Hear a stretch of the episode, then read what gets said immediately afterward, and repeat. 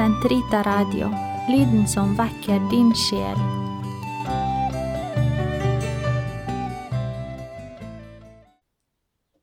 Den katolske kirkes katekisme, uke 45, lørdag 24.07-24.14.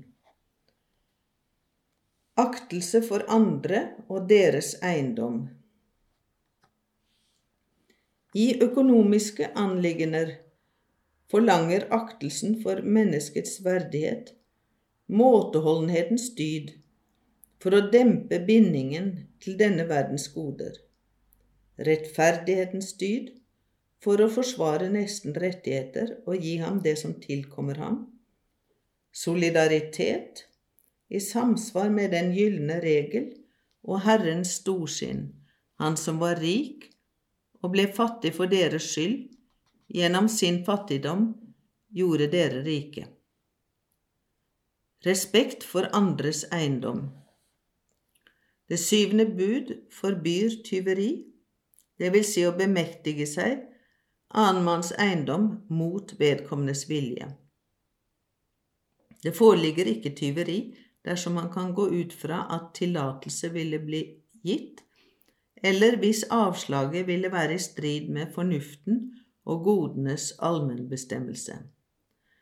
Dette er tilfellet når det er tale om presserende og åpenbar nød, hvor den eneste måten å dekke sine umiddelbare og vesentlige behov på, mat, bolig, klær, er å ta og benytte seg av andres eiendom.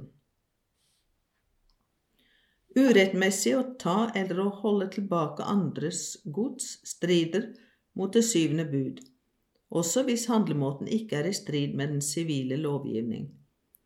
Dette gjelder for eksempel bevisst å beholde lånt gods eller ting som er blitt mistet, svindle behandle, betale urettferdig lønn, sette opp prisene for å spekulere i andres nød eller uvitenhet. Følgen er også moralsk utillatelig. Spekulasjon for å få takst på eiendom til å variere kunstig i den hensikt å oppnå fordeler til skade for andre, korrupsjon for å påvirke dem som etter loven skal bestemme noe, å ta til privat bruk gode som tilhører en bedrift, dårlig utført arbeide, skattesnyteri, forfalskning av sjekker og regninger, overdrevent pengeforbruk, ødsling. Med overlegg å påføre skade på privat eller offentlig eiendom strider mot moralloven og krever skadeserstatning. Løfter må holdes og kontrakter strengt overholdes i den monn overenskomsten er moralsk rettmessig. En betydelig del av det økonomiske og sosiale liv avhenger av verdien i kontrakter som er inngått mellom fysiske eller juridiske personer. Dette gjelder forretningskontrakter angående kjøp og salg, leie og arbeidskontrakter. Alle kontrakter må inngås og oppfylles i god tro. Kontrakter som er underlagt den utlignende rettferdighet som setter regler for utvekslingen mellom mennesker i streng overholdelse av deres rettigheter. Den utlignende rettferdighet er strengt forpliktende. Den krever at eiendomsretten respekteres, at gjeld blir betalt, og at frivillig inngåtte avtaler overholdes. Uten utlignende rettferdighet er heller ingen annen rettferdighet mulig.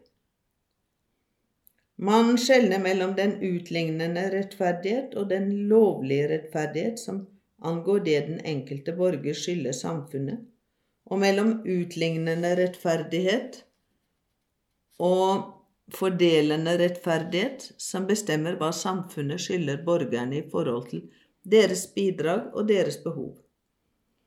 Ifølge den utlignende rettferdighet kan den urett som er begått, bare bøtes ved at tyvegodset gis tilbake til eieren. Jesus velsignet Sakkeus for hans løfte. Har jeg presset for meget av noen, skal han få firdobbelt igjen. Lukas 19,8. De som direkte eller indirekte har bemektiget seg annenmannsgods, er forpliktet til å gi det tilbake, eller å yte tilsvarende i naturalier eller penger dersom gods er borte, og på samme måte de frukter og fordeler den opprinnelige eier rettmessig ville ha fått av det. Alle de som på noen måte har tatt del i tyveri eller med viten og vilje har hatt fordel av det, er også forpliktet til å yte erstatning i samsvar med ansvarlighetsgrad og fortjeneste. For eksempel de som har bestilt tyveriet, bistått ved utførelsen av det eller opptrådt som helere. Hasardspill, kortspill osv. Og, og lotteri strider ikke i seg selv mot rettferdigheten. De blir moralsk forkastelige når et menneske taper det det trenger for å dekke sine egnes eller andres behov. Spillegalskap kan bli en alvorlig belastning.